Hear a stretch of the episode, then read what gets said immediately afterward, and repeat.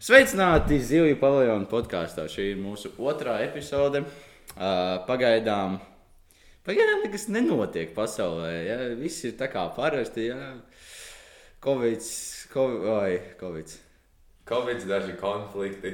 Jā, nu, es teicu, nu, mē, drāmas. mēs izdomājām, mēs negribam runāt par politiku. Nu, Tik daudz mēs runāsim par politiku, jebkurā gadījumā. Tāpēc mēs uzskatām, ka mūsu, mēs gribam sākt kampaņu, tā kā mums ir 18 gadi politisko kampaņu. Jā, Ivars Krauss un Ingūns Dimševskis. Es domāju, ka mēs varētu kaut kādos līvānos noteikti kļūt par mēru, un tu varētu būt kaut kāds. nu, ko, Es es nezinu, kultūra, būt galva. kultūras galva. Jā. kultūras galva Vienkārši līvānos. Sataisa daudz basketbolu šos te grozus. Nu, bas, daudz basketbola grozi, finansējums Līvānu stīkla fabrikai. Nu, viss. Jā, bija stikla fabrika. Jā, Es, es, es, es nepazīstu. Latviju. Okay? nu, labi. Tā tad Dzīve ir apstājusies. dzīve ir apstājusies, bet nu, podkāsts nekad neapstāsies. Vienmēr uz vienmēr priekšu. uz priekšu. Mēs nebeigsim. Ja? Arī, arī es nezinu, kas varētu mūs apstādināt. Es domāju, ka internets pazudīs, tad mums nu, nebūs. Nu, mans minējums bija, ka viens no mums noliekas slimnīcā ar covid, bet, nu, labi, tas arī ir. Variants. nē. Arī tad, kad tu brauc man ciemos, es ciemo- ciemos, un mēs taisīsim slimnīcā podkāstu. Mēs varēsim intervēt vie- visus tos un paprasīt, kā viņi saķēra, un tad veikt kādas secinājumus. Es negribu runāt ar Covid apstākļiem cilvēkiem. Tu runāsi ar mani. Varbūt tā nav tas tik labi ideja. Tieši tā. Jā, Nē, nu, par jaunumiem. Es, nezinu, man, man ļoti fascinē tas, cik ļoti liels rīns ir Lidlā. Es esmu gribējis aiziet. Es gribēju paskatīties, kā tur ir. Es redzēju Delfos, kā tur staigāja bāliņš apkārt un nu, parādīja visu. Izties interesanti. Ne, neko pirms tam. Tur nekas nav no Latvijas būtībā. Tur kaut kāda gaļa tikai. Nu, jā, nu, tur ir tā, ka Lidls jau nav latviešu veikals, un līdz šim tas bijis tikai ārzemēs. Un, un, protams, cilvēkiem interesē. Tikko kā domā, ka tā, kad pirmais magnāts atvērās, Nē, nu, protams. patās pie brīvības pieminekļa. Nu, Bet, Bet, nu- tur rindas arī es. Nu, labi, sākumā es, eh, mēs, es nezinu, kāpēc, bet es vienreiz ar savu veco vēstures skolotāju runāju par to, ka it kā bija rindas, bet bija tik daudz cilvēku, kas apšaubīja šo visu ātrā ēdināšanu. Jā. Un ka vienkārši nevēlējās iet, jo viņiem likās, ka tas būs ļoti neveselīgi, ka amerikāņi kaut ko tur ir pielikuši tai gaļai vai kaut ko cit, citiem produktiem, un ka cilvēki negribēja baigi iet tur uh, arī. Bet, nu, protams, vienmēr veidojas rindas uz kaut ko jaunu. Nu, es sagaidīju, ka nu, tagad no sākuma būs baigās rīns, nu, jo nu, jauna lieta, ja daudz veikalu, nu, lidu, pilnīgi, pilnīgi kaut kas jauns. Nav tā kā jauns veikals, vēl viens rīmī, bet tiešām kaut kas jauns. Bet es, es tā kā sagaidīju, ka, nu, pēc kāda, nu, protams, ne tagad, ja pēc kaut kāda pusgada cilvēkiem varētu, nu, varbūt tā kvalitāte nepatikt, ja arī tas, ka tur nekas nav būtībā no Latvijas. Bet es nezinu, cik patriotiski tiešām cilvēki ir, vai to tiešām interesē, vai tie tomāti ir no Getliņiem vai no Spānijas. Nu, tur ir tā atšķirība ar. uh, Tas, es nezinu, vai tas ir labs veids, kā mm, lietot vārdu patriotisms. Nu, tas nav patriotisks. Jo nē, es, es pilnībā saprotu, un ir tā, ka Latvijai par labu nāk, kad pērk Latvijas produktus, nevis eksport, eh, importētus. Un, bet tur ir arī tā atšķirība, ka nevajag arī sevi noslēgt no visas pārējās pasaules ar to, ka jā, mēs tikai savus kartupeļus ēdam, tikai savus tomātus un tā tālāk. Un es domāju, Lidls ir ļoti laba lieta, ko ieviest, jo es man ir bijusi, bijusi pieredze ārzemēs ar Lidlu, un mēs ar ģimeni esam ļoti priecīgi, ka Latvija ir atvērsusi. Mums ļoti, ļoti patīk Lidls, ir īpaši, kad mēs esam ārzemēs. Jā. Jā, mēs, ejam, mēs vienmēr meklējam Lidlu, kur nopirkt sev kaut kādas ātrās pusdienas, vai tie kaut kādi kartupeļu salāti, jā, vai kaut kāds jau sagatavots kotletes. Ļoti labs veikals, labas cenas diezgan. Jā, un mēs arī redzam ar tām rindām, ka cilvēki arī ir priecīgi par Nu, to. viņiem galvenā cilvēkiem laikam tās cenas visvairāk interesē. Nu, kas protams. ir arī saprotams, protams, jā, bet nu, laiks ir nauda. Nu, tad ir jautājums, tā kā, cik ilgi tur stāvēs tajā rindā, lai dabūtu savus nu, kafiju par pusi eiro jā, kilogramā vai es nezinu ko. Nu. Nu, es, es, Nu, es, jā. es esmu nedaudz skeptisks par to, kā, kā ies lido. Es, pie, ne, es pieņemu, ka viņiem ies labi. Nu, ne, ne, Iet nevar neiet. Nu, nevar neiet slikti, tas ir saprotams. Es nevaru jūties bēdīgi par maksimumu, jo nu, viņi ir būtībā. Nu, nu, viņi bija tā vieta, ko tagad aizņēma Lidls. Savā ziņā viņi ir tāds nu, lētāks veikals, tādos vairāk mikrorajonos. Ah, jā, jā, jā. Nu, tā kā būtībā tur, kur ir Lidls tagad. Kā, nu, Nu, es nezinu, man ir.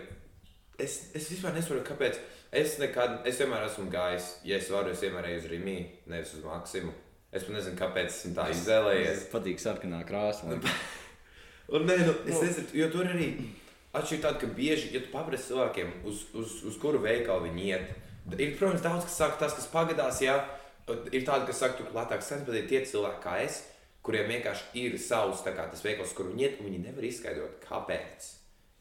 Viņiem labāk patīk viens veikals, nevis otrs. Tāpat kā pieņemsim daudzos piemēros, ja, kurš tev priekšmets labāk patīk. Cilvēks pasaka, pieņemsim, nezinu, tur matemātikā. Viņam prasa, kāpēc.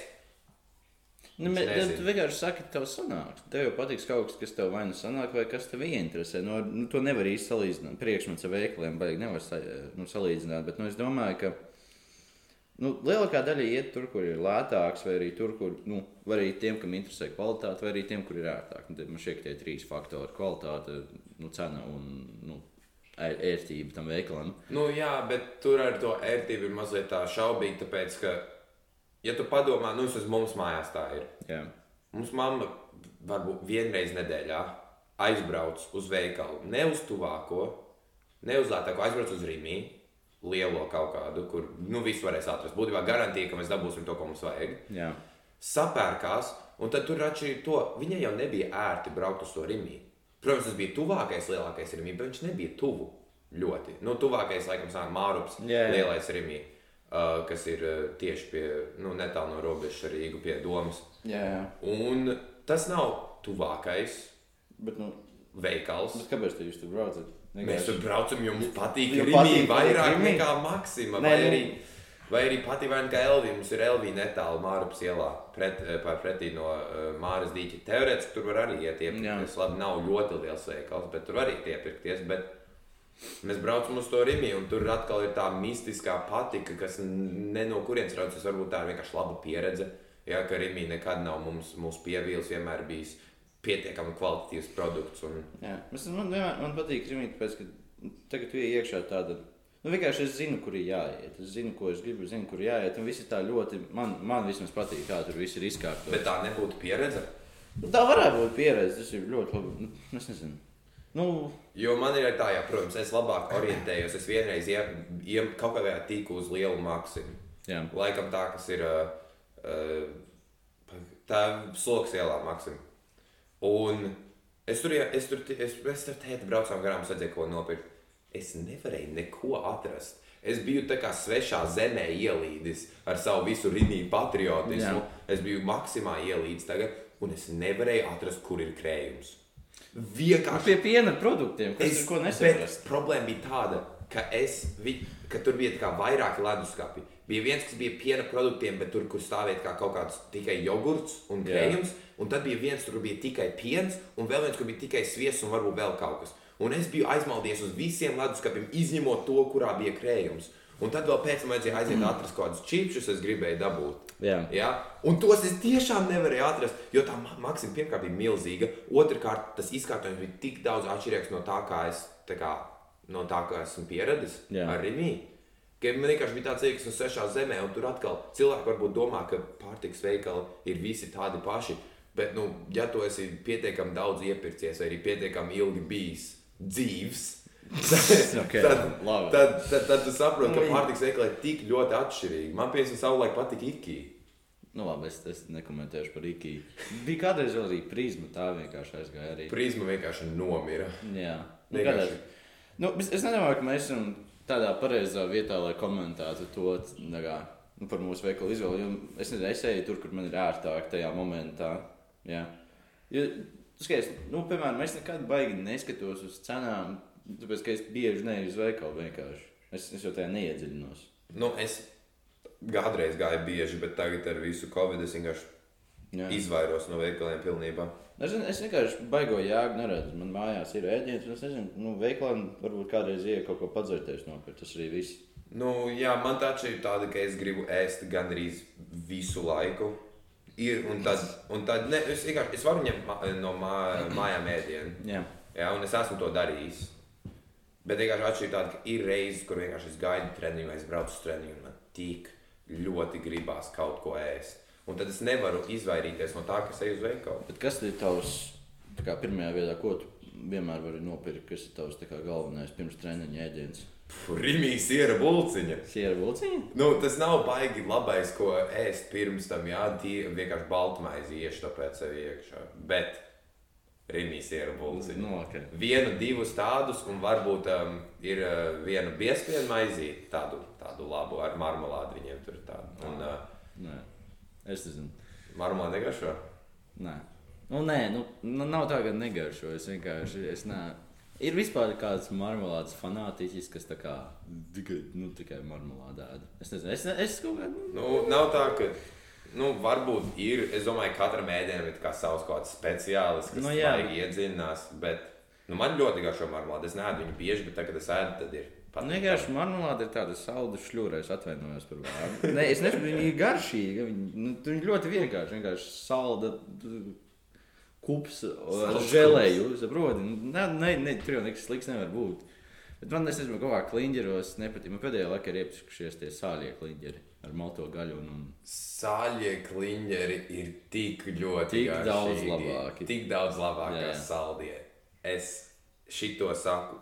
Katram cilvēkam, es saku, Katrs- jo, kat, jo, jo katru reizi, kad es redzu, ka kādā balītē vai kādā pasākumā, nu, protams, neesmu bijis kādā pasākumā jau gandrīz divus gadus, jā, ar visu to jā, jā, nemaz. Cilvēkiem ir saldie kliņģeri, un es vienkārši pieeju klāt un pasaku, sāļais būtu bijis labāks. Un vienkārši nē, jo saldējais kliņģis man neiet. Nu, neiet. Ir tā, ka ir reizes, kuras varbūt uzēd, jo man ļoti patīk, kad ir rieksti, bet tad tur ir tik daudz tie žāvētie augļi. Neprasās, neprasās tik daudz. Nē, ir arī daudz labi saldēju kliņģeri. Es atkal, es neesmu baigts, es nekad neesmu pircis kliņģeri. Jā, tā kā es īsti nezinu. Kur ir, labākais? Es tikai redzēju, kā tur mājā ir tāds - ok, labi, kliņģeris. Lai iet. Bet, nu, es nezinu, tas ir, tas ir tāds ļoti interesants ēdiens. Nu, kur ir tas? Ir, tas ir kaut kas latviešu vispār kliņģeris vai arī tas ir Es tiešām, tiešām nezinu. Nu, tur ir tā atšķirība, tāda, ka es domāju, varētu, protams, ir kaut kāda latviešu. Nu, tāds jēdziens, latviešu ēdiens ir baigi tāds. Nu, protams, ir ēdieni, kas ir radušies kādā valstī. Jā. Bet tu nevari mūžīgi izsakot visām pasaules daļām līdzi. Es varu, Ah. gan jau, ka kliņģeris ir kaut kur, nezinu, tur Vācijā. Tas ir radies. Vācijā, tas ir nu, tā kā tas pretsols. Ah, tas ir vienkārši pretceļš. Jā, Jā, jā. Nu, labi, vā, radies Vācijā, bet tu nevari man tagad pateikt, jā, ka pieņemsim kaut kāds tur amerikāņu kliņģeris, kas ir izveidojies. Nav, ka tagad pēkšņi, nu, pēkšņi nav īstais. Jā, ka īstais ir tikai no Vācijas. Jā, jo katrai kultūrai jau ir savs veids, kā to pagatavot. Bet tas jau ir arī nos, tas jau pēc nosaukuma. Ja viņi to nosauks savādāk, tad visi atkal būs priecīgi, ka tas ir kaut kas viņa cits. Jā. Nu, te, nu, Nu, jā, tas, ko es arī pieņemu, arī situācija tāda, ka cilvēks saka, ka pelmeņi ir latviešu ēdiens, un labi, pel, nu, pel, latviešu vai krievu ēdiens. Nu, nē, nu, tev, tev eh, Ķīnā tev ir saucamie dumplings. jā. Jā. Tev ir Krievijā pelmeņi, tev ir Latvijā pelmeņi, tev ir Lietuvā pelmeņi. Jā, un tur ir tik daudz valsts, kas dalās to pašu principu, bet tikai forša figūriņa mainās, kā viņi izskatās. Jā, līdzīgi arī itāļiem ir ravioli, jā, parasti ar pildījumu. Tie teorētiski arī ir. Nu, pelmeņi. teorētiski. Ja, Nu, nu, pēc principa, pēc ja mīkla, jā, tad jā. tur kaut kas ir vidū, vai tie būtu, protams, eh, labi, tur viņiem bieži ir sēnes iekšā, bet arī gaļa var Nu, būt, gaļa, jā, kaut kādi kāposti. Un uh, pēc principa ir tas pats, nu, kāpēc jēdziens teikt, ka kāds ēdiens izmaiņas ir ļoti kā unikāls. Jā. Jā, bet teikt, ka piemēram pelmeņi ir latviešu ēdiens, ir ļoti, manuprāt, ne, nepareizs veids, kā to teikt, jo tev ir tik daudz dažādu līdzīgi principa produkti. Es nedomāju, ka kāds vajag uz. Nu, cilvēks saprot, ka pelmeņi nav Latvijas. Lat... Tā, tā ir tāda nu, daļa no latviešu kultūras, bet nu, neviens nezina, Nu, jā, ne, bet no Latvijas. tur arī tā, ne, nu, ir, ir cilvēki, kas saka, ka ne, varbūt ne cēlušies, bet tas ir latviešu ēdiens. Bet tur es domāju, labāk būtu teikt latviešu. Uh, Iecienīts. Iecienīts ēdiens, Jā, nu. vai kāds mūsu kultūras ēdiens, tāpat kā gaļa un kartupeļi. Jā, tas, tas klasiskais latviešu ēdiens. Latvi, atkal, atkal latviešu ēdiens. Bet... Latvieši neizgudroja kartupeļus. Viņi neizgudroja gaļu. Vai tur, tur nav, tas nav tā kā pareizi lietots jēdziens vispār, manuprāt. Zini, kas man ļoti iepriecināja? Tad, kad es redzēju Lido Lietuvā, es biju vienkārši nereāli priecīgs. Kad latviešu, nu, protams, tur bija kaut kāda lietuviešu ēdiena. Neteikšu, ka viņi bija baigi labi. Bet, bet iedomājieties, ka tu brauc pa Lietuvu un tu redzi lido, un tu vari atkal tos kartupeļus ar kotletiem. Tu jūties kā mājās. Jūties kā mājās, tiešām tā ļoti, ļoti laba sajūta. Es, es lepojos ar Čirsonu, ko viņš ir paveicis. Jā, nē, tur arī, tur arī, tur arī tā atšķirība tāda, ka tikko, it īpaši, ka tu esi no tādas mazas valsts kā Latvija, tikko kā tu redzi kaut ko ārzemēs, Kaut ko, ir jā, latviešu, latviešu, vai vismaz mazliet latviešu, Jā, uzreiz tu jūties kā mājās, tu esi tik priecīgs, tu esi tik, tu esi uz valsts noskaņots, tu esi patriotisks, uzreiz, mm -hmm. kā tu redzi to lido un tāds, jā, šis, šis, ir, šis ir mans restorāns. jā. Tas ir piederības sajūta. Jā, visinteresantākais, ka tu redzi kaut kādās, nu, tur, nu, nu ziņās atāk, ja, bet uh, kaut kādās filmās, ja, vai TV šovos, piemin Latviju kaut kādā veidā. Tas man ir tā iepriecina. Jā, bet vienmēr tie kaut kādi stulbi stereotipi. Uh, Ļoti. ļoti stulbi. Bet, jebkurā gadījumā, tas, es nezinu, man tas neaizskaita, man tas iepriecina. Nē, nu, man bija tā, ka es skatījos vienreiz, pirmā reize, kad es tā reāli to pamanīju. Gan jau, ka bija kādā filmā arī es vienkārši tā kā nepērstu tam uzmanību. Jā. Bet pirmā reize, kad es tā reāli pamanīju, un kad tur bija lielā mērā, ir um, raidījumā Brooklyn Nine-Nine, Jā. kas ir par vienu policijas iecirkni, un tur viena no galvenā tēla, eh, tēla uh, dēls ir adoptēts no Latvijas. Viņu sauc Nikolais, bet viņi saka Nikolāžs, tāpēc, ka jau ir Nu, iznācis viņi nemāk, ž jā, vairāk. jā, Jā, jā. Un tur arī bija viena epizode, kur viņi cīnījās kaut kādu latviešu mafiju. Un tas bija tik smieklīgi, kā viņi tiem. Kā Ā, viņi tie viņi centās tos latviešu vārdus izrunāt. Jā, un tas bija tik. Labi, protams, bija forši, ka pieminēja, bet tas bija tik ļoti smieklīgi, ka es nevarēju saprast, ko viņi teica. Es lasīju, tos, es lasīju subtitrus, jo viņiem bija tik slikta tā izruna, ka es nevarēju saprast. Un ir tīpaši tas tēvs, ja tas gal, viens no galvenajiem varoņiem, ja viņš tur beigās pasaka, ja tur vienam iesit, viņš nokrita, ja nu, tā latviešu mafijas, un viņš tā laiks uz podiņa, bet tik slikti to pateica. Ja? Nu, zini, kā viņš savam dēlam māca, laiks iet uz podiņa, ja? un viņš tikai šitam te to tagad pasaka. Un, un, un laiks iet uz po, podziņu. Podiņu, jā, jā, jā. Tas, bija, tas bija tik smieklīgi, bet atkal, tur atkal es redzu, un tāds, jā, jā es tiku ko raidījumā, es esmu, es esmu, To, jā, to es, es esmu aktieris tagad, es esmu Jā. daļa no šī seriāla. Nē, tas ir interesanti kaut kā. Uh, es nezinu, man šķiet, ka Lietuva tik bieži neparādās. Varbūt arī bija. Es nezinu, kas ir populārāk, Latvija vai kā pasaulē. Tas ir labs jautājums, jo Latvija, ka- Latvija iezīmējās ar ļoti tādām, Es nezinu. jo viņi tā kā, es dažreiz tagad es pie, pieminu Latviju kādā seriālā, ja, tas ir ļoti par tādām nesaistītām lietām ar mūsu valsti vispār. Nu, tā kā atkal tāpat latviešu mafija, nu, faktiski vai tas eksistē? Nē, nē. Nu, nē, man šķiet, ka tas ir vairāk tā kā mūsu aizvien iedomājas kā daļa no Padomju Savienības. Tā kā vienkārši mēs tam Ka kaut kādā esam mini Nu, jā, nu, Nē, bet nu- tur arī tā ir tāda, ka par Lietuvu tik lieli tie uzskati, kā par Latviju, par to, ka Lietuva ir kaut kāda mini-Krievija nav. Jo Lietuva vairāk, nu, Lietuva, protams, es zinu tagad atkal no basketbola perspektīvas, ja Lietuva iezīmējās ļoti kā basketbola lielvalsts. Jā. Jā, viņiem ir ļoti laba komanda. Jā, un, un, un, un ja tu pasaki kādam uh, ASV par uh, Lietuvu, nu vismaz kādam, kas kaut ko zina par basketbolu, jā, viņš pateiks, ah, jā, viņiem tur ir vai nu šis spēlētājs, nosauc kādu NBA spēlētāju, jā, vai tas būtu Valančūnas vai Sabonis vai vienalga. Jā. Jā. Vai arī pateiks, ka viņam ir diezgan laba basketbola komanda. Jā, nu, arī pati, pati Lietuva ļoti fano par basketbolu. Nu, tas ir nu, Ļoti, Ļoti. superfani. Man šķiet, ka- Žalgiris arī viena no top Eiropas komandām. Jā. Man šķiet, ka arī no turienes cēlēs. Nu, ja, ja, vienkārši, ja tu esi valstī, kur visi mīl basketbolu, tad, protams, jums būs labi spēlētāji. Nu jā, tur viss vis, Lietuva koncentrējās uz basketbolu. Ja Jā. Latvijā tev vēl tev ir basketbols, futbols, hokejs, kas viens otram visu laiku kā ko sacenšas, kur būs tas top sports. Es domāju, ka nu, kādreiz bija hokejs, ja mums tiešām bija laba komanda. Nu, arī ir Dinamo laba Rīga. komanda. Tagad Nu, aizvien ir laba komanda. divīzijā, jā. Jā, jā, ne, nu, mums aizvien ir laba komanda, bet nu, kaut kā būtu forši kaut uzvarēt to pasaules čempionātu. Bet, nu, Nē, nu tas ir. Tur atkal ir tā atšķirība, ka mēs skatījāmies arī pasaules čempionāts šogad. Jā, tepatās Latvijā. jā. Un mēs uzvarējām pirmajā spēlē Kanādu, kas beigās uzvarēja Bet, nu, visu bija- turnīru. Bet 2-0 uzvarēt hokeja lielvalsti. Nē, tas ir. Tas ir panākums. bet Tas ir panākums jebkurā gadījumā. Tur ir tā atšķirība, tāda, ka, manuprāt, mēs spēlējam ar tādu, kā, nu, es, ma- nu, es, es šeit ir mans uzskats, es, protams, to spēlētājs nepazīstu. Jā. Jā. Uh, un, un, un, un, un, un nezinu ļoti labi par to, kāda, kāda ir tā atmosfēra komandā. Bet dažreiz liekas, ka mēs spēlējam labāk pret lielu valstīm nekā mēs spēlējam pret komandām, kuras mums vajadzētu uzvarēt. Man šķiet, ka pēc tam mainās. Nu, tā, es pamanīju, cik ļoti tā psiholoģija ir nu, svarīga sportos. Jo no, savas, nu, no sākuma tev šķiet, ka nu, viņi ir sportisti, viņi ir profesionāli, viņi spēj iztikt bez emocijām. Bet nē, nu, viņi, viņus tas ļoti ietekmē. Jā, un... Un, un, un, un tas ļoti parādās arī pret kaut kādām lielvalstīm, ka tiešām nu, tu sagaidi zaudējumu, tāpēc nu, tā bišķi varbūt vairāk pacenties, vai arī tā. Nu, Es, ne, es nezinu, kā tieši mainās tie uzskati, kad spēlē pret kaut kādu komandu, kas nu, tu sagaidi, ka viņi tev uzvarēs. Nu, es pieņemu, tev ir pieredze kaut kāda. Manā pieredzē ir tā, ka bieži man, es labāk spēlēju spēlēs, kur man nav pieredze ar to komandu iepriekš, ka es nezinu, vai mēs īsti esam favorīti vai nē. Ja? Tur ir bijušas manas labākās spēles. Jo man ir, man ir atšķirība ka es neesmu pietiekami labs, es neesmu pat tuvu, lai būtu spējīgs spēlēt profesionālā līmenī. Jā, pat arī pēc dažiem gadiem nu, nebūs. Vienkārši mm -hmm. nebūs.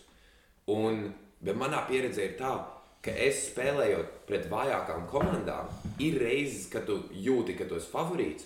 Un tad ir kaut kāda spriedze, Vienkārši vai arī, atlaidies. vai arī tu mazliet atlaidies, bet arī ir tā spriedze par to, ka tev vajag uzvarēt.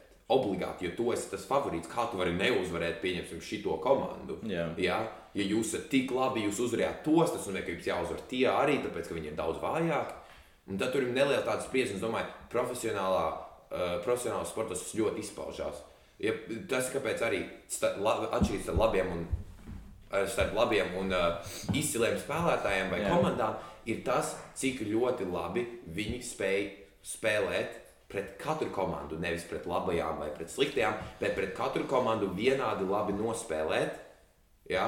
Jā. Katru dienu vai katru vakaru. Man arī šķiet, ka arī kaut kādos zemākos līmeņos cilvēki nav tik, eh, tie spēlētāji nav varbūt tik precīzi. Nu, tādā ziņā, ka viens spēle spēlēs labāk, viens spēle spēlēs sliktāk, un tam pat nav sakara ar kādu psiholoģiju vai emocijām. Jā, ka vienkārši tev maina, nezinu, neesi izgulējies vai kaut kas tāds, vai arī tu vienkārši nespēji uzturēt konstantu tādu.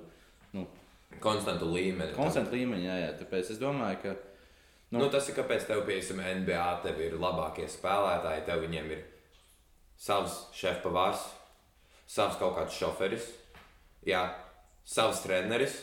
Viss savs, lai uzturētu, lai uzturētu tādu pašu atmosfēru, tādus pašus apstākļus tev apkārt, lai tu vari katru dienu, katru reizi vienādi labi nospēlēt. Ja viņiem ir sava diēta, jā, lai uzturētos formā, lai nav tā, ka, pieņemsim, kā man, kad man ir viena spēle, tagad šodien es nospēlēju ļoti labi, nākamajā spēlē nospēlēju slikti, tāpēc, ka, nezinu, es tur iepriekšējā vakarā sēdos čipsus un jutos ļoti rasns, un tagad es nevarēju paskriet, ka kaut kāda mistiska nu, jā, nu, tas ir.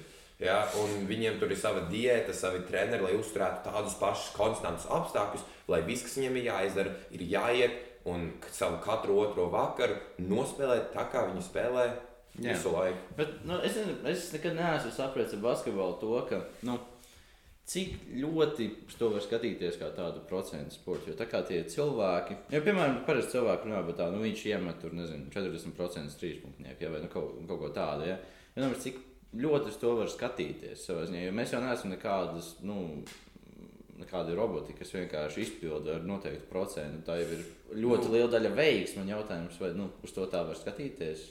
Nu, teorētiski var, jo tur tā ir tāda, ka tie procenti jau tiek ņemti no spēlētāja kopējiem cipriem. Ja nav, tā, Protams. nav tā, ka viņi skatās vidējo procentu no visām spēlēm, ja nav tā, ka vien uh, ir vienkārši tīri cipari, ja, kopējie iemestie, kopējie netrāpītie.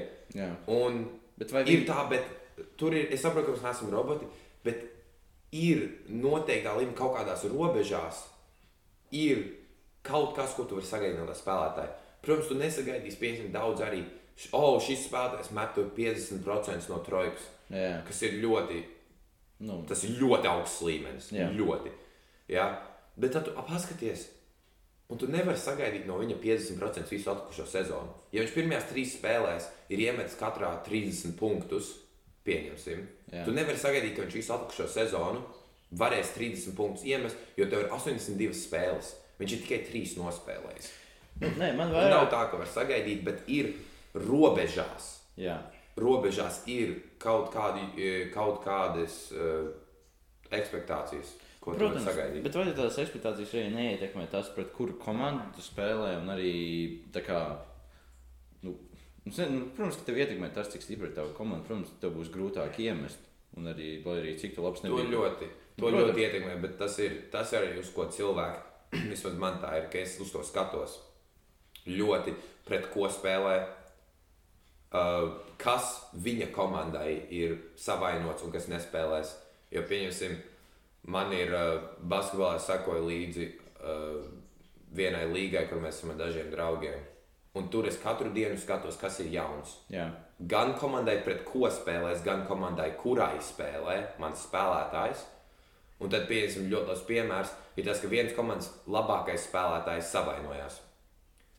Un tad es zināju, ka, ja viņš ir savainojies, tad šis spēlētājs, kas man ir manā komandā vai manā tajā izlasē, ka viņam būs ļoti laba spēle, jo viņš ir otrs labākais spēlētājs. Tas nozīmē, ka viņš uzreiz būs pirmais, un viņš dabūs vairāk metienus, vairāk laika uz laukumu. jā. Ja?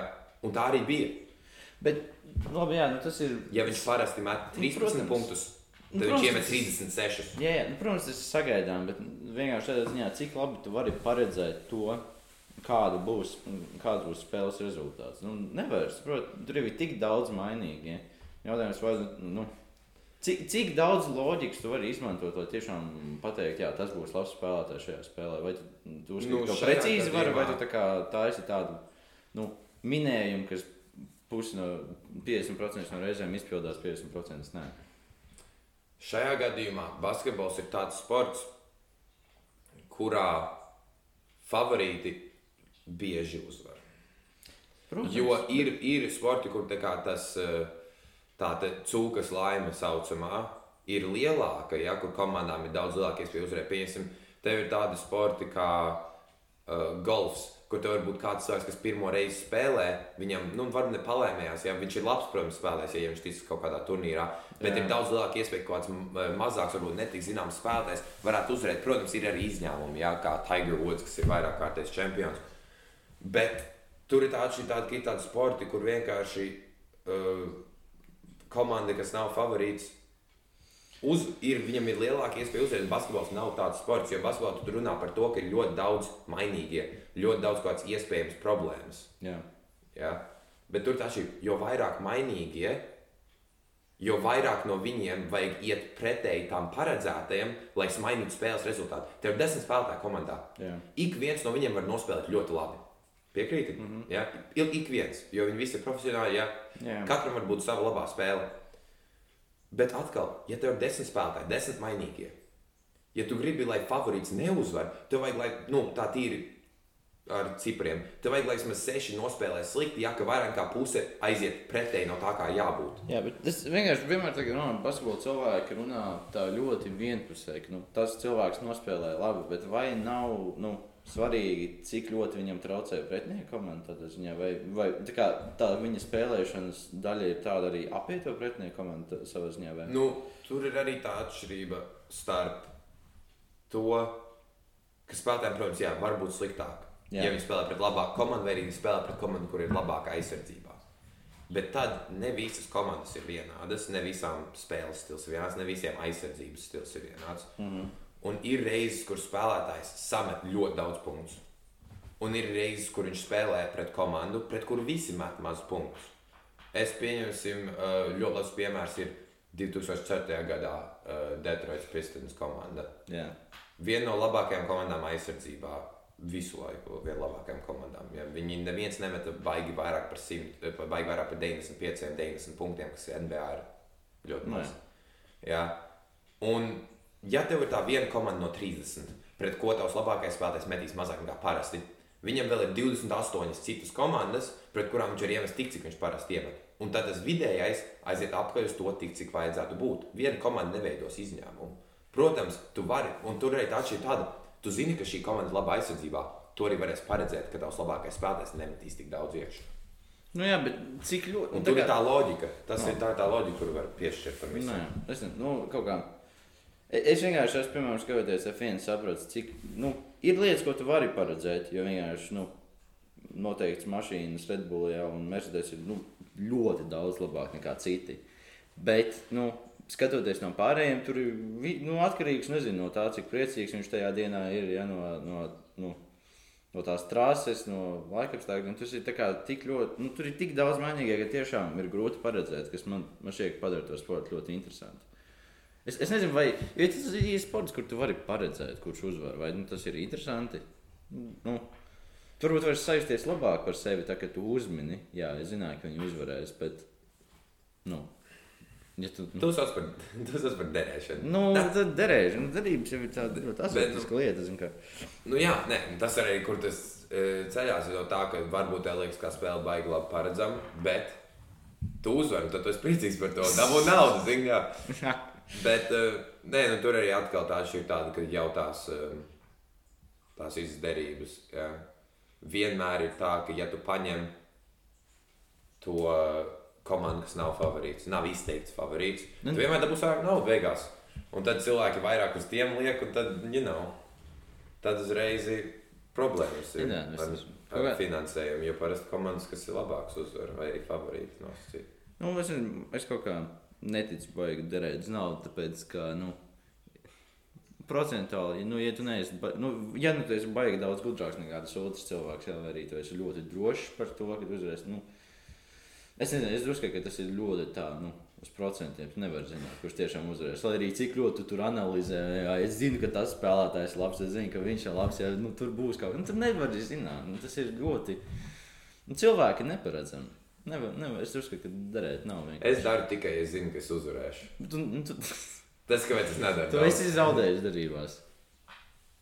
saistībā ar, Ar ko? basketbolu. Ar, ar basketbolu. Jā. Man ir bijusi viena derība, Un tu esi. Nu, nu, okay, labi. un es, ne, un es tajā uzvarēju.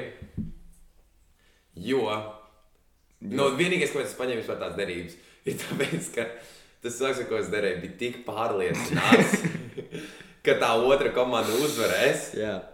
ka viņš bija gatavs. Ka es viņam neko nedodu, ja es zaudēju, bet ka viņš man kaut ko dod, Ah, ja nu, viņš ir, zaudē. tas ir vienkārši stulbi no tā cilvēka puses. man. Bet tās ir derības. Nē, protams, tu vajag izmantot Un iespēju. tā arī es izpelnīju sev kebabu. Nu, labi, jā. Ļoti labi. Es biju ļoti priecīgs par to. Jā. Bet nu, tā savādāk es tā baigi nedaru. Izņemot, ja cilvēks kā, man pasaka, es daru, ka tu nevari izdarīt to. Un tad, ja es zinu, ka es varu izdarīt, vai arī tad es, protams, izdarīšu. Jā, jā. Jā, jo man ir daudz vieglāk derēt uz sevi, nekā derēt uz kaut kādiem atkal. Tu saki, ārējiem apstākļiem, jo cik cilvēki nav paredzami. Es sev varu paredzēt. Es Nu, nu, zinu, ko esmu Cik kļūda tu vari sev paredzēt? Nu, bet, ja nepagaidi. kāds pasakā, es daru, ka tu nevari tagad uzlikt uz tā galda, ja? un es paskatos, un es ļoti labi zinu, ka es varu, tad es, protams, pateiktu, pas, pasniegšu viņam, paspiedīšu roku un pateikšu, jā, aiziet. Jā. Dod man pieču, ka es līdzi uzlikšu. Mm. -hmm. ja? Un tur atkal tas ir. Tu saki, ka cits cilvēks nevar paredzēt. Es jau varu paredzēt. Nē, Es tu apstāties sevi, ne, sevi tu galdu. paredzēt, jā, bet Jā, vienkārši- varu uzlikt. Bet, nu, es, ne- es tagad neesmu pamanījis ļoti, nu, vismaz gudras darbības, kurās kāds cilvēks pasakā, ka tu to nevari izdarīt, ja viņš apzinās, cik grūti tas ir. Saprot, nu, tā kā, tu, tu jau nevari Nu, bet prasīt tur, kādam. Ir, tur ir, bet tur ir um, atkal cilvēkiem, katram ir, savu, ir savs skatījums uz to visu. Katram ir sava perspektīva. Ja, ja vienam šķiet, ka es neesmu spējīgs uzlikt uz šī galda, jā, bet es ļoti labi zinu, ka es varu, tad, protams, es ņemšu tās derības, tāpēc, ka Bet viņš man bieži, bet tādās situācijās nu, ļoti reti kāds nonāk, ka tu ļoti labi zini, ka tu uzvarēsi. Nu, es vienkārši zinu no sava piemēra, ka nu, F1 arī uztaisīja vienas derības, ka viena komanda Itālijā Monzā būs daudz ātrāka un nu, dabūs pat uh, nu, podiumu. Būs. Jā. Kā to latviešu sauc? Pedestāls. Nu, pedestāls, jā. Uh, un, nu, Nu, man sadrēja, ka viņi būs, es kā par spīti pateicu, nu, nebūs. Es domāju, ka nebūs, jo nu, viņiem ik pa reizei iet labi. Viņi tikai tajā gadā bija divreiz uh, uz pedestāla. Ja? Tā kā, nu, es nedomāju, ka tur kaut kas interesants notiks. Ja, bet es, ne, nu, protams, es nebiju ierēķinājis, un es nebiju iedomājies to, ka divi labākie braucēji ieskries viens otrā, ja, un tagad, tagad tai komandai būs viens, divi uz pedestāla. Tā kā, nu, tas bija, nu, tas, tas uzreiz parādīja to, lai arī cik, nu, Nu, jā, bet tur arī atšķirība atkal starp sportiem.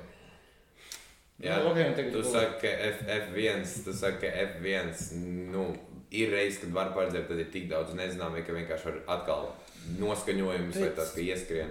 Nē, nu, nē, F1 ir grūti paredzēt, tāpēc, ka tur, nu, ja tu kļūdies, tā kļūda ir milzīga. Protams, tur Nu, jā, ja tu kļūdies basketbolā, tev vēl ir tev spēlē 48 minūtes, tev vēl ir 4 komandas, biedri, kas var izlabot to kļūdu. Jā, jā. Jā, un tur ir atkal, atkal vairāk, vairāk, eh, vairāk mainīgie, vairāk iespējamas, kā, iespējams izmaiņas, bet nu, vairāk spēlētāji arī, kas varētu noturēt tā, ka nekas nemainās, vai tā, ka spēlē tā, kā viņi grib savā ritmā. Nu, skaties, piemēram, nu, es tev varu pateikt, piemēram, F1 ļoti bieži cīnās par nu, 0,1 sekundi, kas ir apmēram nu, viens. Jā. Tev ir milzīga trase un atšķirības starp labākajiem viens atsmiršs. Proti, nu, tā kā tur jau ir tā lieta. Tāpēc ir ļoti grūti. Nu, Nu jā, nu tik, tik, tik Bet- mazu laika sprīdi. Jā, bet, zaudēt. bet pārsteidzoši ir tas, ka nu, ir kaut kādi konstanti. Jā, ir cilvēki, kas nu, parasti brauc ļoti labi. Parasti, nu, parasti top 5, top 4 turās salīdzinoši līdzīgs, ja nav kaut kādas nu, speciāli izņēmumi. Tā kā, nu, mm. -hmm. tas, tas, tas man ļoti bieži pārsteidz par to sportu, cik labi tie braucēji ir. Nu, cik, nu, Ka viņi var noturēt tādu labu līmeni, nu, jā, nu, vienkārši bija. Nu, ilglaicīgi. Nu, jā, cilvēki runā, nu, ak, Dievs, 0,2 sekundes, kas tu kļūdi vienā līkumā, bet, ja tu padomā, nu, tas ir pilnīgi nekas mūsu mm. -hmm. laika izpratnē, ja, bet, nu, Ikdienā tas ir. tā kā- ikdienā nekas. Nu, jā. tu pat nepamani, ka tas, ir, ka tā, tas mirklis ir pagājis. Tieši tā. Nu, Nu, tad šeit cilvēki tur raud par to, ka viņiem tagad tas pazaudēja savu 0,1, 0,2 sekundes, un tagad vairs, vairs netiek Tieši tā. un viss. Tieši tā, jā, un tas, nu, tas man vienkārši šķiet ļoti nu, iespaidīgi par to sportu kopumā. Nu, tas atkal dod tādu, liek aizdomāties par vienkārši to, cik ļoti mēs vērtējam laiku. Kāds tam var teikt? Tas gan izklausās. Nē, bet tas, ka, skaties, Nu, Skaties, ja tu esi spējīgs pārdzīvot 0,1, 0,2 sekundes, bet tu arī esi spējīgs nosist 3 stundas skatoties Netflix, um, tad tu vērtē to laiku galīgi savādāk. Nē, šajā gadījumā es vērtēju to, kā tā komanda nobrauc vai kā tas braucējs nobrauc, ne jau to pašu. Nā, nē, es runāju par braucēju. Nē, es runāju par pašu braucēju. Par, par, par, par braucējs jau pats pārdzīvo, ne? Ka viņš Ne, tur zaudējis tajā, pagri, tajā un tajā pagriezienā, zaudējis tik un tik sekundes. Nu, Jā. 0,1 tik un tik sekundes. Jā. Bet, Nu, jā, un tas, ne, tas, skaties, tas man vienmēr liek aizdomāties par to, kā es varu te 0,1 sekundi neko nedarīt, vai arī te vienkārši skatīties, kā viss iet garām, ja kā dzīve paslīd gar acīm. Un tad ir, un tad ir vienkārši šis braucējs, ja Verstapens vai kas tur, jā, jā. ja, kas tur vienkārši sēž mājās, pārdzīvo un raud. Par šo 0,1 sekundi, kad es te pats savā nodevā pastaigājos, ja, un baigi tā, ah, nu man vēl visa dzīve priekšā. Un viņš šeit paziņo par 0,1 sekundi, kas ir tik neliela daļa no visa laika, ko Nu viņš ir dzīvojis vai ko vēl dzīvos. Tur vajag bišķi vairāk konteksta. saprot. Viņš pārdzīvo par to iespēju. Nu, nu, es saprotu, braukt F1 un uzvarēt tur un kļūt čempionu. Tas ir milzīgs prestižs. Pēc tam, nu, ja tu esi bijis F1 čempions, tad tu esi viens no labākajiem braucējiem pasaulē. Nu, Tu nevari pateikt, tā, ka braucēji Naskārā ir labāki. Nu, viņi nav vienkārši. Nu, Nu, varbūt ir. Viņi nav, viņi nav. Viņi Kā? griežās tikai pa kreisi, un viņi tikai kustina savu labo kāju nedaudz. Ja? F1 viņi māca griezties uz abām pusēm. Ja? Ū. jā, pirmkārt, viņi kustina abas kājas, un viņi iztur kaut nezinu, pie- piecus G's, kā viņi saka, līkumos. Nu, tas ir kā piecas reizes gravitācijas spēks. Ah, Ja, tā kā, nu, tas ir ļoti nogurdinoši. Eh, Bija interesanti. kā Pagājušajā svētdienā bija Amerikā, Austinā, nu, sacensības. Un tur vienam, vienam braucējam atslēdzās viņa ūdens sistēma. Nu, lai viņi, viņi brauc kaut kādu pusotru stundu, parasti jā, nu, viņi dzer ūdeni. vienkārši, Jā, lai- protams. nu, Tur ir karsts, 30 grādi. Tur toreiz bija. Un viņam otrajā lafā atslēdzas tā ūdens sistēma. Viņš vienkārši ir izkāpis no mašīnas, izstājās pēc bet Tāpēc ir ļoti nogurdinoši. Ja, nu, tā braukšana nav viegla. protams, jā. Ka, nu, jā, cilvēki to vajag tā nesaprot. Jo Tu jau tikai grozi Nu, stundu, jā, tu jau neko tur nedari. Es jau arī braucu ar mašīnu nu, jā, jā, tas ir tā. Nē, es, man, ļoti, man ļoti patīk F1. tā kā Ļoti, ļoti. Jā. Ļoti. Es, es, es kaut kā pēdējā laikā, nu, varbūt iespaidojoties no tevis, biju pastījis vairāk basketbolu. Ir interesanti. Bet man, šķiet, nu, ne- man tas šķiet pārāk nu, sarežģīti, bet tev ir vajadzīgs ļoti daudz informācijas, lai saprastu, kas tur notiek. Manuprāt. Tā varētu būt. Jā. Jā. Nu, tāpēc, ka tur atkal uh, viss vis atkal iet atpakaļ uz to, cik um, paredzams vai neparedzams ir sports un cik daudz tev mainīgie ir. Jā. Un vienkārši, ka tev tik daudz, tik daudz mainīgie piedalās vienā basketbola spēlē. Tev ir tas, vai tu spēlē mājās vai izbraukumā. Jā. Jā. Mēs ļoti labi zinām, labi, F1 arī līdzīgs princips. Tu esi, nu, tu nevari Nē, nē, pateikt, ka nav ir, ir, ir, labāks protams. trasēs Jā, citās. jā. Jā. Tev ir mājas vai izbraukuma spēle. Kuri ir tiesneši kaut vai? Ja? Nu, kā vai viņi pieļauj vair, vairāk, vairāk sišanu, grūšanu, ja? vai tieši mazāk? Tas pats ir fēns. Tas pats pret kuru komandu spēlē. Kā, cik, cik spēlētāji vai kuri spēlētāji ir savainoti. Jā. Jā. Tas vai nezinu, tas, kāds tev treneris ir. Kāda ir, kāda ir aizsardzība otrai komandai, cik labi viņi ir tev pielāgojušies, cik labi tu esi pielāgojies viņiem. Mm -hmm. Jā, jo, protams, pirms spēles visi izskata, ja skatās uz otras komandas kā spēles stilu mēģina pielāgoties, kā būtu labāk viņus sekt. Jā, un tev es tev tikko nosaucu astoņus no vietas.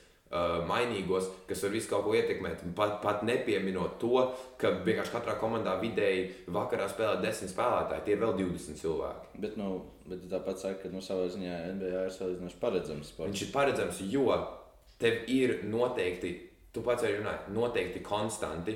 Tu vari, un tu, tur ir arī šitais, te, teiks, tā robotiskais, kas ir spēlētājos.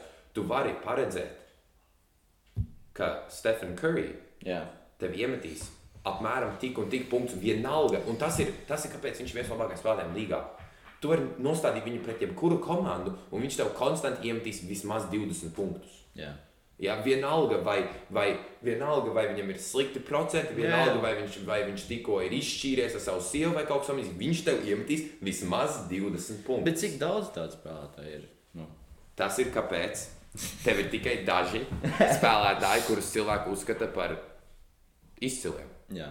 Jā, tie ir varbūt 10 maksimums. Nu, manuprāt, protams, cilvēkiem arī var veidot top 15, top 20 spēlētāju sarakstu, bet reāli es domāju, ir līdz 10 spēlētājiem, kas ir tādi faktiski tādi konstanti. Vienalga kāda aizsardzība, vienalga kas viņi tev dabūs. Varbūt ne tieši punktu ziņā labi, labu spēli, bet ja viņi nemetīs punktus, viņi tev dabūs tik un tik rezultātus piespēles, tik un tik ataugušās bumbas, ja, Jā. kur viņi kā ar citu, ar citu pieeju ir ieguvuši tādu pašu rezultātu komandai, kur jūs uzvarat. Jā. Ja Lebrons var neiemest savus 20 punktus, bet viņš tev dabūs 15 rezultātus piespēles, 10 atlikušās bumbas un nezinu, tur 10 uh, bloķētus metienus. Un tāds pats rezultāts. Komanda tik un tā uzvarēs par nezinu, tur 10 punktiem. Jā, bet nu, tu redzi, tas ir tā, ka tu viņš maina savu. Nu, tā, nu, es nezinu, cik ļoti. Bet viņš ir spējīgs nezinu, cik- pielāgoties. Nu, Nē, tas ir labi, jā, bet nu, Viņš mainīt savas spēli. Nu, jā, bet nu, cik konstants tu vari būt, ja tu visu laiku pielāgojies kaut kam? Nu. Bet nav runa par to, ka tu esi konstants tajā, ko tu māki un ko tu nemāki.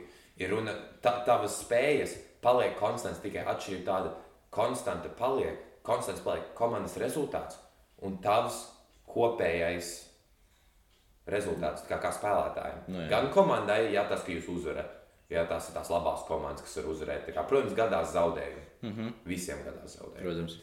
Bet tas, ka tu vari konstanti uzvarēt, padomā, labākā NBA sezona vēsturē - 73 uzvaras, 9 zaudējumi.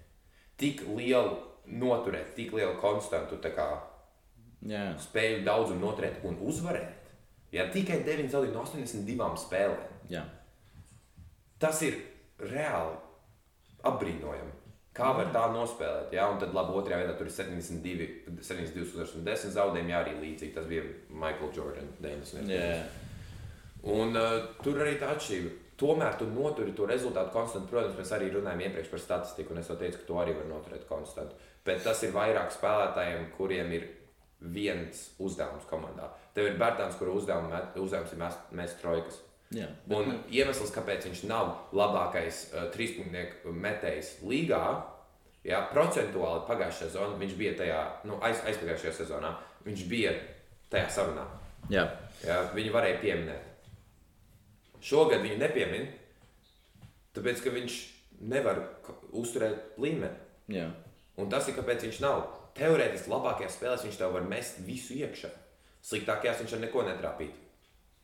Bet tu nevari skatīties tikai uz labāko un ignorēt slikto. Nē, protams, protams, vienkārši. Nu, Labākie metēji ir tie, kas met 40% katru spēli. Un tad tos, tā, kad tu saproti, kuri tie spēlētāji ir, tad tu no viņiem vari sagaidīt kaut kādu rezultātu. Jā, bet nu, tu nevari saprast, kur tie tiešām būs. Un Katru reizi nu, Bērtāns paliek sliktāks, Porziņš paliek sliktāks. Nu, Nu, šito ar porziņu sliktāks bet, ir diezgan tāds nosacīts jēdziens. Viņš Nu, no, labi, nepaliek varbūt- sliktāks, viņam vienkārši kaut kas nav. Es nevaru arī Bet, īsti. nu, bet cie- nu, tā jau ir nolasīt. attaisnojuma meklēšana. Viņa, nu, ja mēs skatāmies vienkārši uz cipariem, viņš paliek sliktāks. Nu, Un vai, un vai tie cipari nav vienīgais, kas ir svarīgs šajā gadījumā, vai arī tu uzskati, ka tur ir vēl kaut kādas sarežģītākas struktūras, ko meklēt? mēs runājam par mainīgajiem, vai ne? Ak, Dievs, nu, nu, Par neparedzamību. Jā, Porziņiem labākie gadi bija Ņujorkā. Piekrīti? es piekrītu, piekrītu. Jā, Jā. jā.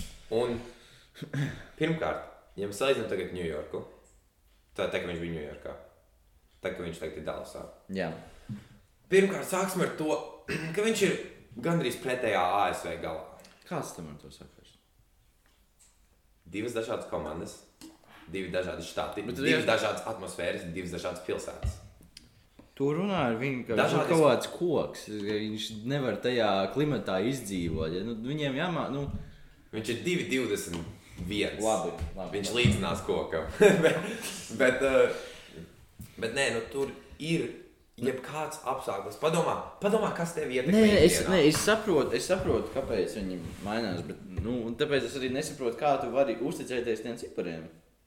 Tādā ziņā, ja tu zini, ka viņš pagājušajā gadā bija nu, nezinu, 40% tur man trīs monētas, jau tagad Nē, viņš ir bet jaunāks. Ne, es, runāju par vienkārši par Ah, principā. vienkārši principā, cilvēks, NBA spēlētājs. Met tik tagad viņš ir citā komandā. Jā, citā štatā, cita temperatūra, cits spiediens. Jā, un tagad, un kā tu vari uzticēties? Tu nevari. Bet- Vienkārši fiziski nevari. Tas ir kāpēc.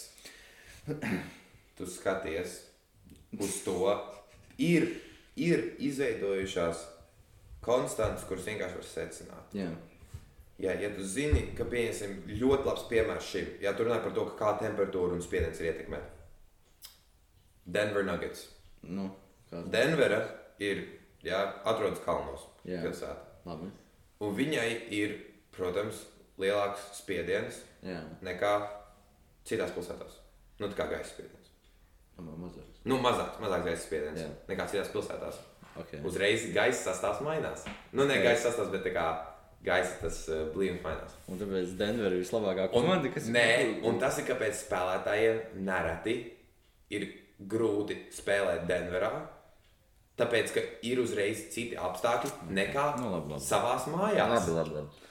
Un tur un tagad Jā, mēs zinām, ka Denverā, ka Denverā ir šāds te, um, pasākums notiekās. Ja? Jā. Ka, un tagad mēs varam savā galvā, kā basketbola fani, Jā. analītiķi, jā. savilkt paralēles un mm. -hmm. saprast, ja Denverā ir, sp ir spēlētājiem gadās, ka viņam ir grūtāk spēlēt, jo spiediens ir savādāks gaisā. jā. Tad teorētiski mēs varam to sagaidīt katru reizi, kad kāds spēlē Denverā. Mēs varam sagaidīt, ka kādam nebūs tik labi, Jā. cik viņam būtu. Nē. Ja mēs zinām, ka šī komanda ir vislabākā aizsardzības komanda līgā, mēs varam sagaidīt, mums mēs varam konstanti veikt, ka šis labākais spēlētājs komandā nebūs spējīgs iemest tik daudz, vai Jā. arī būt tik labs, cik pret citām komandām. Jo šī komanda ir ieciklējusies uz to, ka viņa viņu apstādinās. Un tā ir konstanta. Tā ir konstanta, bet vai tā, tā ko sagaidīt. konstanta beigās arī izpildās? Jo tu ne, vienkārši, jo es, es vienkārši, ko es, gribu- uz ko es eju, ir tas, ka, piemēram, F1 ir interesanti tas, ka cilvēki ļoti nerunā par skaitli, skaitļiem, lai arī cik ļoti nu, tur viss nebūtu atkarīgs no laika un ātrumiem.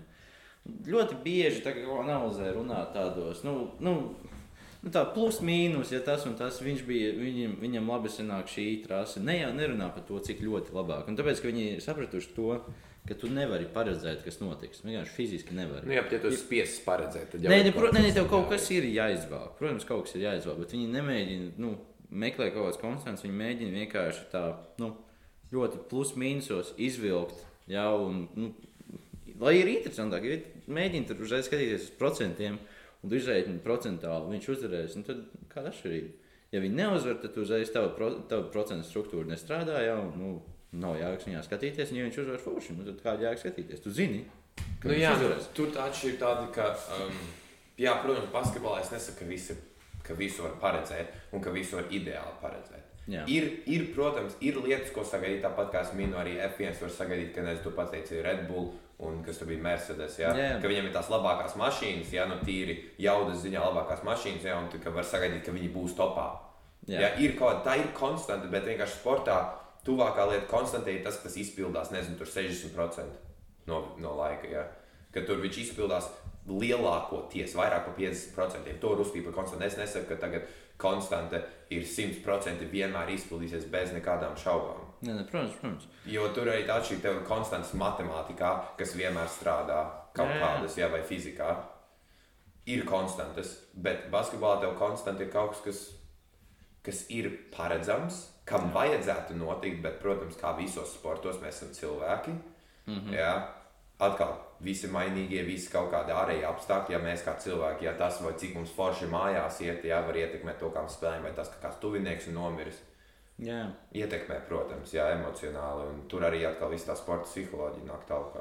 Jā, nu ir interesanti skatīties arī tādu sportu, kā piemēram tur zirgu sacensības, kur nu, konst, nu, nu, ne konstanti, bet vienkārši tev jāstāsta uz zirgiem. Kā tu vari paredzēt, cik zirgs ir labs? Es, es neesmu baigi skatījies, kā, kā strādā tā visa sistēma. Ja, bet, nu, tā ir, manuprāt, pilnīgi minēšana. Bet, ne? Nu, Arī tur jau ir. Manuprāt, tā ir, bet nu, arī tu skaties, bieži filmās cilvēki dara uz, uz zirgiem. Jā, Jā, un tas ir arī uz ko cilvēki visbiežāk dara derības. Tāpēc, ka tur tā ir tāda, ka tur tā saucamais payout ir daudz lielāks nekā citur. Jo, Nu jā. kā tu saki, tā ir minēšana. Tā ir minēšana. Cilvēki, protams, tev, tev dos vairāk naudas, ja tu uzmini no tiem saviem 30 zirgiem. Man kurš uzvarēs? Well, nu, bet vairāk tas- Nu, protams, jā. vairāk sacīks. No, labi, no saviem astoņiem zirgiem, jā, 12,5% iespēja.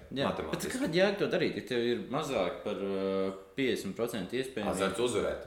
Azarts, uz- jā, bet tas vienkārši Uzvari vienu reizi, gribi vēlreiz, līdz kamēr tu uzvari vēlreiz. Un tagad, kad tu uzvari vēlreiz, tu gribi vēl spēlēt, līdz kamēr tu uzvari vēlreiz. Vai arī tu neuzvari, un tad tu turpini, un tu gribi uzvarēt, lai atmaksātu to, ko tu neuzvarēji. Nu, jā, un tagad, tu uzvari, tad tev tāds, oh, nu, laikam divas pēc kārtas būs jāmēģina dabūt. Nu, ok, jā. nepaveicās, Nu, labi, jā. mēģināsim uzvarēt Nu, vēlreiz. Un tagad atkal jāatmaksā, un tas ir tas mūžīgais cikls, kā cilvēks sevi ievada postā. Nē, tāpēc, ka mēs esam ļoti, mēs varbūt tā ļoti. nu, Mēs neskatāmies uz lielāko to bildi. Mēs vienkārši redzam, ka nu, var, mēs varam uzvarēt. Tas viss, ko mēs varam teikt. Fakts, ka mēs varam, ir Ja pietiekami. ka paskaties uz procentiem, cik mēs uzvarēsim, nu, nu vienkārši nebūs. Ja? Tāpēc man šķiet, ka Zino ļoti interesanta tāda lieta, ka nu, viņi vienmēr uzvar. Viņi vienmēr nopelna. Jā. Lai arī ko tu dari, lai arī cik gudrs tu nebūtu. Nu, ja, ok, varbūt tu vari tur skaitīt kārtas kaut kādā blackjackā, bet jebkurā gadījumā viņi visās tajās spēlēs uzvar. Un ir tā nedaudz dīvaini, ka tur ieej iekšā un tu tagad spēlēsi, zinot, ka nu, tu nevari uzvarēt. Ja? Tu vari tikai cerēt, ka oh, varbūt ar pirmo uzgriezīšu kaut ko baigi, baigo naudu un iešu mājās un nekad neatgriezīšos, bet nu, tu atgriezīsies un iztērēsi to visu naudu kaut kādā brīdī. Nu, jā. Es nezinu, tas ir man, man šķiet nedaudz tā interesanti, varbūt cik cilvēki. Es nezinu, es nezinu vai tas ir naivums vai tā ir vienkārši cerība vai kaut kas tāds, bet nu, Tas ir. Nu, tur ir atkal, es domāju, arī vienkārši alga pēc kaut kā. no, jā, bet, nu, Vienkārši vi- grib kaut ko. Padomā, kā tu jūties, kad tu kaut ko sev jaunu nopērci. Jā, tu nopērci kaut kādu foršu datoru, foršu Jā, jā, jā. kurpes, un tev tāds šī sajūta, tā sajūta ir maģiska gandrīz. Vai tev vienkārši tu jūties tik ļoti labi par sevi, par savu paveikto. Ja? Un tad atkal, tad tev jautājums iešāvis galvā, kāpēc? Es nepērku vairāk kurpes, vai kāpēc es nepērku vairāk dators? Šī sajūta ir tik laba, kāpēc gan es viņu negribētu biežāk? es, man nu, tā analoģija varbūt netik ļoti patīk. Tāpēc, ka, nu, Nu, labi, Tā, ka tur ir tu- tu pēc Nē, es saprotu. Pēc, bet kā tu redzi cilvēkiem, kuriem mājās ir simts pāri kurpēm, nu, viņiem nu, faktiski protams, jau nevajag viņiem- daudz. jā, bet tas ir viņu hobijs, viņiem tas interesē.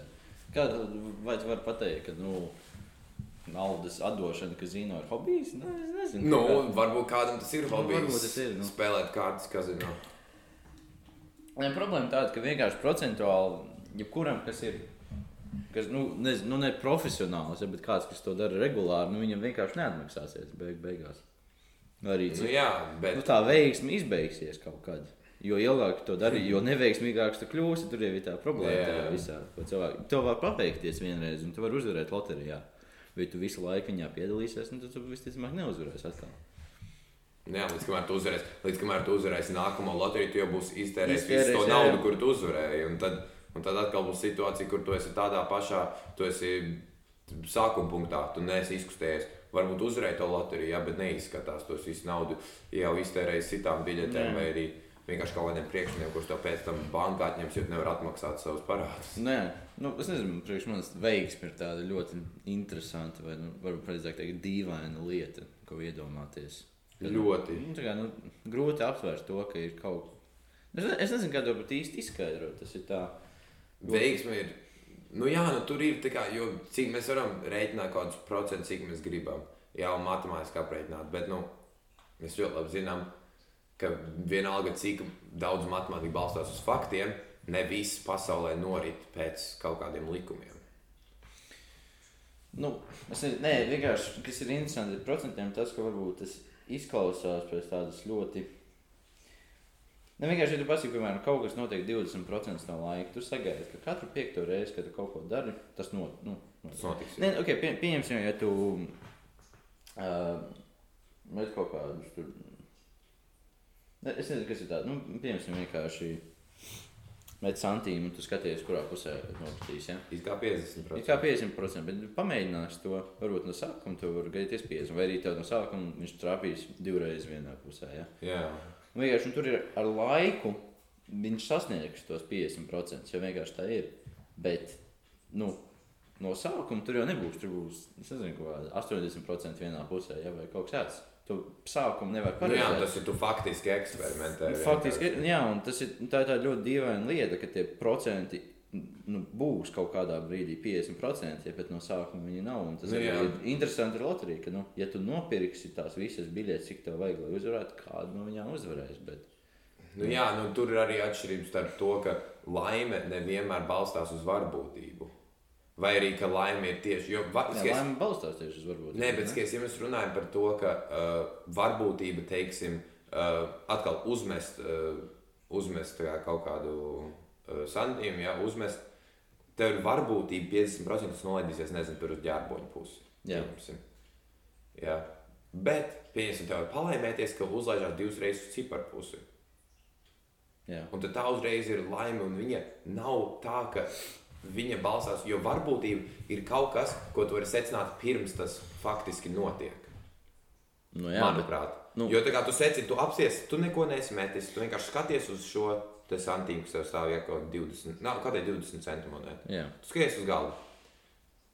50% nevis iespēja, bet vairāk varbūtība. Varbūtība, jā. varbūtība, jā, jā. Tīri teorētiski, jā, teorētiski viņš var būt vai nu tas, vai nu tas. jā, jā. Ja? Bet, teorētiski, bet faktiski viss, kas tur darbojas, ir laime. Un es domāju, es neesmu baigi ticējis tam, ka, piemēram, metot uh, šo 20 centu monētu, ja? ka vajag, var uzsēsties tam, ka tas ir 50-50. It kā ir sākumā, ja? bet faktiski nezinu, tur. Uh, Nezinu, tur tas, cik tu stipri iegriez, vai Jā, jā, tur jā, ir tik nu, daudz Jā, varbūtības. Jā, grūti, nu, jā, tur ir varbūtības, bet nu, beig, beigās tas tāpat viss aiziet uz 50% kaut kādā veidā. Nu, jā bet tur atšķirība tāda, es varu mest trīs reizes. Nu, jā. Divas reizes līdz uz ciparu, vienreiz uz ģērboņu. Tur jau nav 50%. Tur nav 50%. Jā, un vienkārši tas ir. Nu, man šķiet interesanti tas, kā cilvēki varbūt nespēja aptvert varbūtības. Nespēja vienkārši cilvēki. Man tur tagad arī ir grūti izskaidrot. Jā, jā. Nu, to ir grūti izskaidrot to sajūtu, ja jau savā ziņā. Nu, ir grūti iedomāties kaut ko, kas savā ziņā konstanti noteikti procentu laiku notiks, bet tagad, tu to dari, nu, tā tas nav no sākuma. Jā, un tas tā. Jā, un Bet tas jau parādās ļoti daudz, kur savā ziņā. Un, un, un, nu, pie, piemēram, ar laika apstākļiem, okay, laika apstākļi būs sarežģītāki. Bet, nu, piemēram, tā kā rādās 80% iespējamība. Tā nav īsti iespējamība. Tas ir cik tas ir cik procentu procenti no tā tavas reģiona. Jā, jā. Lietuva. Jā. Būs Lietuva. Tā kā tehniski mēs jau varam precīzi paredzēt, nu, ka tur līs lietas, bet vai tu tur atradīsies, kur līs lietas vai nē. Jā, un, Tas ir tas, oh, es, tas, es nezinu, vienkārši varbūtība tā ļoti nu, sarežģīts koncepts visas priekš manis. Nu, jā, nu man vienkārši vairāk galvā ir iesaistīts tas, ka varbūtība ir teorētiskais un laime ir faktiskais. Jo, skaties, to ir teikt, cik tu gribi, ka vilks uz tiem 50% vēl ko, nu, tā kā metot Jā, jā. 20 centu monētu. Un uh, tur teikt, cik gribi vēl uz 50. Bet, manuprāt, nevēl 50 ir kaut kas, ko mēs gribam, ko mēs iedomājamies sākumā, ka tā vajadzētu būt. Bet tā ir tikai teorija, un ka faktiski 50% nekad neizpildīsies. Jo varbūtība, Fa- nē, varbūtība jā, un, faktiski un jā. fakts, varbūtība un tas, kas faktiski notiek, ir divas dažādas lietas. Varbūtība ir teorija. Jā, jā. Jā, nekad nebūs 50. Tuvākais, kas tev var būt, Viņš ir 49 un tiec, 51. Viņš tiec, viņš tiec uz Viņš 50, tiecas, jā. bet nekad nebūs 50. Jā, jā. Nekad, jo tur vienmēr kaut kas mainās. Vienmēr tu nezini, tu tur apstāsies pie tik un tik metieniem, tu vairs negribēsi mest. Nekad tev reāli nebūs 50.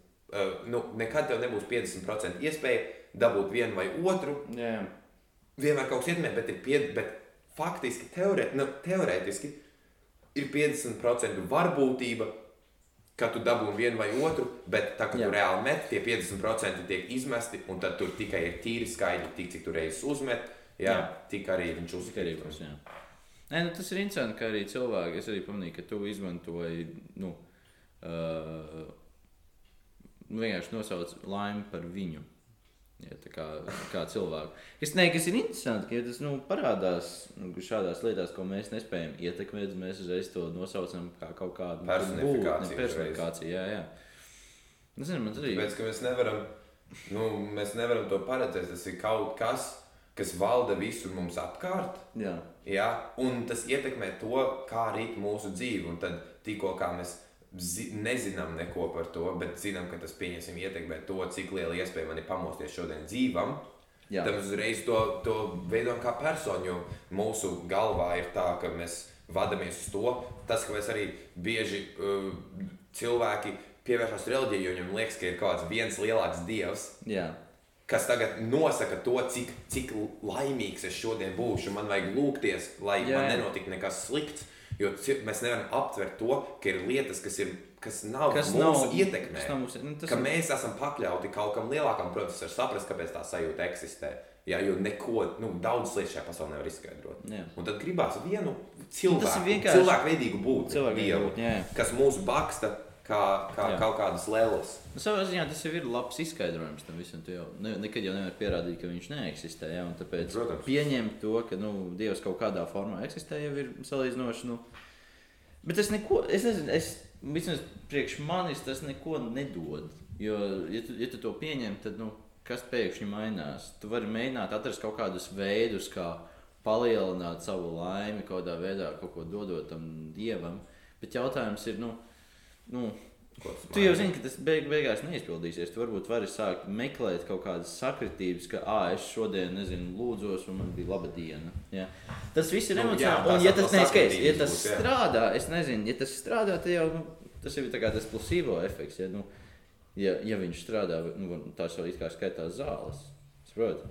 Ja placebo strādā, nu, tad tās Nu, ir jā, zāles. tur arī tā atšķirība. Domāju, tas vairāk, tas viss tā kā dievu tēls, jā, vai tas būtu viens vai vairāk, nu, kā kurā reliģijā. Jā. Uh, tas viss dievu tēls ir veidojies va, nevis lai tādu.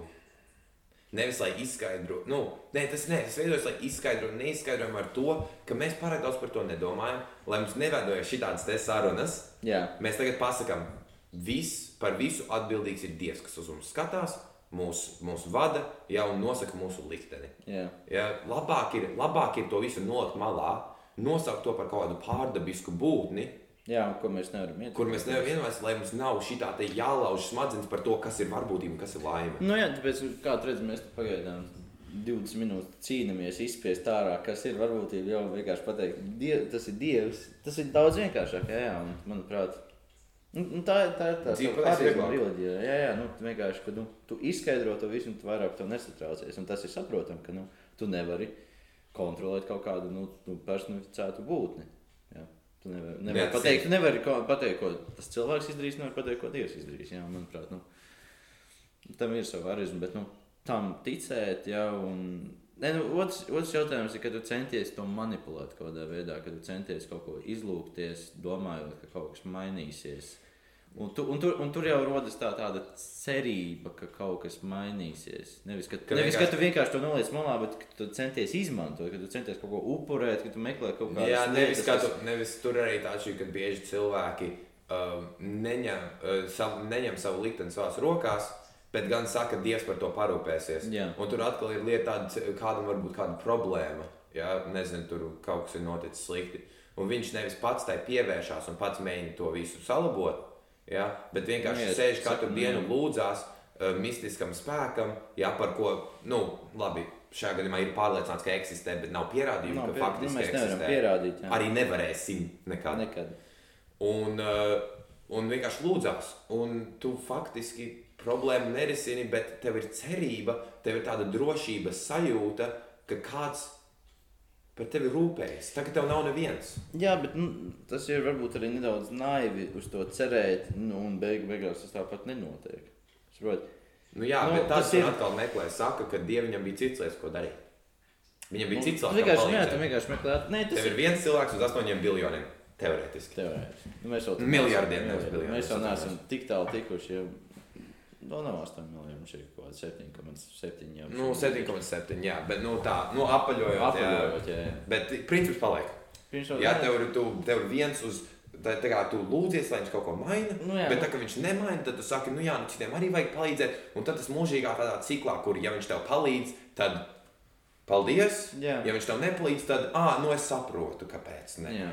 Bet beig, beigās nu, tam ir kaut kāda ideja. Un, nu, nu, Es saprotu, kāpēc. ne, es, es arī saprotu, kāpēc. Bet, nu, nu, jautājums, vai tie paši cilvēki, kas tam tic, to aptver, vai viņi aptver to, ka viņi to vienkārši vienkāršo, vai viņi tiešām tam tic. Saproti? Jo, Nu, Jo, tur jo, ir- jo tādā kontekstā ir, vienk ir vienkāršāk runāt par varbūtībām, ka tu vienkārši pasaki, mēs to nevaram kontrolēt. Labi, mēs zinām, 20% iespējams kaut kas notiks, mēs, bet mēs nevaram pateikt, ka tas notiks vai nenotiks. Jā, mēs, mēs, varam, mēs varam minēt, mēs varam, Mēs minēt. mēs varam tā saucamo, kā fizikā mēs runājam, educated guess. Jā, Jā, mēs varam minēt, ka tas būs viena no piecām reizēm, būs, kad šis notiks. jā. Bet atkal, tā ir varbūtība, un faktiski tas, vai tas notiks, nav varbūtības rokās. Varbūtība ir izteikta kaut kāda mistiska konstante no laimes vai no kaut kāda likteņa. Vai liktenis. Nu, es nezinu, es negribu likteni šajā Nu, iesaistīt. Mēs Var iesaistīt. vārdus. Tā ir tā, es zinu, ka tie ir lieli Es vārdi, jā, bet likteni var šitajā visā iepīt, jo atkal, tā kā es teicu, varbūtība ir kaut kas, kas ir izvilkts no likteņa, no laimes. Jā, tas, ko liktenis laime kontrolē, to, kā viss norit dzīvē. Faktiski. Fa- Teorētiski. Teorētiski. Teorētiski. Teorētiski norit, jā. nav faktisks. Jā. Jā, teorētiski. nē. Un mēs no tā, ja nav tā, ka var, ir varbūtība, kurai laime tagad pielāgosies. Nē, Nē, ir varbūtība ir pielāgojusies laimei. Varbūtība raksturo laimi. raksturo laimi. Nu, laimi, kas ir plus, mīnus, puslīdz kaut kādā veidā konstanta. Laime ir. Oh. Kaut kā neiet uz priekšu, Ok. okay. līdz smadzenes izlūdzību. Tātad laime ir tas, kā izpaužas liktenis, un mēs raksturojam laimi caur varbūtību. Tas ir ļoti labi teikt. Tas ir. Es, es teicu, tam vairs tiek. Es domāju, ka to mēs varam likt tagad pie miera. Mēs to varam likt pie miera. Jā, nu šī tāda ļoti filo, beig, beig, beidzās ar ļoti filozofisku lietu. Bet, nu, vajag Nu, no, jā. filozofiju dzīvē, ir jāpadomā, dažreiz jāpakustina savās, savās pelēkās šūniņas. Nu, Es nezinu, jo vairāk domā, jo vairāk saproti, cik maz tu saproti. Tas ir tāds. Jā, nu, tas jau, ko mēs mēs- ir, mēs tajā mācāmies mēs- zināšanu teorijā. Mums, mums Nu, skolotājs runā par to, ka mēs neko faktiski nezinām. Teorētiski mēs visu pazīstam, teorētiski mēs daudz ko zinām, bet, Bet faktiski vai mēs varam to, vai mēs varam daudz no tā pierādīt? Nu, nē, mēs Jā. esam to izvilkuši tā, kā viņš arī teica. Mēs esam to izvilkuši no konstantiem un no kaut kādiem novērojumiem. Ja tas strādā, tad tam tā jābūt. Jā. Nav iespēja, mēs uzskatām, ka nav iespēja kaut kam citam, kaut arī vienmēr pastāv iespēja kaut kam citam. Jā, es nezinu, man vienkārši ar to zināšanu teoriju un vispār kopumā, ka es vairāk esmu sācis domāt par to, ko mēs zinām, ko nezinu. Es esmu nonācis tādā situācijā, ka nu, vairāk man ir grūti atrast kaut kādu taisnību. Kaut kā. Es vienmēr paskatos no otras puses, man tāds bāts, bet tas arī varētu tā būt. Nu, ar, ar visām situācijām, vai nu arī kādu politiku, vienmēr. reliģiju, jeb, jebkādiem, jebkādiem viedokļiem, tu vienmēr pasties no otras puses, un man ir grūti pateikt, jā, es, es uzskatu, ka tas tā notiks. Un tāpēc arī tieši prasīja par basketbolu. Jo, nu, jo savā ziņā tie mainīgie ir tik daudz. Ka, nu, tehniski tu nevari pateikt, kas notiks, bet nu, tev vajag kaut ko darīt. Tev vajag nu, tik tuvāk atbildēt, tev vajag Nu, jā, mēģināt kaut ko izprast. Basketbolā ir tā, ka labi, šajā gadījumā ir tā, ka ci- cilvēka spēja ja, veikt savu darbu, vai nu tur mest grozā, vai savā ataugušo bumbu. Jā, tomēr ietekmē to laimi, bet laime darbojas. Un tad tie statistika ir tā varbūtība uz spēlētāja laimi, laimes un spējas kā, savienojumu. Jo, protams, ir reizes, ka tev vienkārši nekritīs grozā. Jā. Tu vari būt labākais metējs, un tev vienkārši nekritīs grozā. nekritīs, Un tur arī tā atšķirība, es domāju, šajā gadījumā es varu izvilkt labāku secinājumu tam, ko tu prasīji iepriekš. Statistika raksturo to, cik labs tas spēlētājs ir un viņa likteni vai laimi. Nu, laimi, kas savukārt vada likteni. jā. Un tad statistika skatās nevis uz to, cik viņam vajadzēs nākotnē, bet atskatās uz to, kā ir bijis, lai mēs varbūt varam mistiskā veidā kaut kādi paredzēt noteiktus lielumus. jā. Es, nu, es vienmēr esmu izpratis likteni. Varbūt bišķi savādāk, jo, nu, uh, angļu valodā ir tāds labs vārds hindsight, ka tu uz kaut ko atskaties. Ka, nu, Jā. In hindsight es varēju sagaidīt, nu, kaut kas tāds notiks. Ja. Nu, tas, nu, tas ir tāds, nu, tu zini, kas notika, un, ja tu tagad atskaties, varbūt kaut ko domāt savādāk. savādāk, jā, Jā. un tad tu redzi savas kļūdas. Manuprāt, liktenis ir nu, tāda līdzīga versija tam, kad mēs parasti atskatāmies uz to mūsu likteni. Nu, Nu, savā ziņā mēs vienkārši nu, mēs, mēs nemēģinām meklēt problēmas mūsu domāšanā. Mēs vienkārši paskatāmies, paskatām, nu, tā tam bija jābūt. Vienkārši tāds ir. Nu, jā, tur atkal ir, tā, tur atkal ir tas teiciens, mācīties no savām kļūdām. Tu, ska, tu atskaties uz to, ko tu esi darījis iepriekš, ja tā atkal tu, tu skaties kādā nākotnes brīdī, vai tas ir nedēļa, mēnesi, gadu vēlāk. Jā. Tu atskaties, ja, un tagad tu no sava likteņa, no savas laimes esi izvilcis konstanti, pie kā tagad pieturēsies atlikušo mūžu vai arī vismaz uz doto brīdi. Mm -hmm. Ja, piemēram, ja tu zini, ka matemātikā nevajag vairs aizmigt, ja ka tas tev iegāz iepriekš, tad tagad tu izvilcis konstanti. Matemātikā nedrīkst aizmigt. Skolotāja man ierakstīs piezīmi, un es neko nesapratīšu. Nu, okay, nu, tas ir tāds interesants piemērs. Bet, nu, Bet tas tas ir piemērs. matemātika ir interesanti. Es, es nezinu, matemātika tas ir tā nedaudz negodīgi. Bet, nu, jā, es domāju, ka mēs šodien to varētu beigt. Vai mēs baigā filozofijā beigās iebraucam? Nu, jā, gadās. Zini, kā zivju paviljonā, jau kas Zivju palielināt par jebko var runāt. Labi, paldies, ka klausījāties. Tas arī viss. Bodu varās ciet.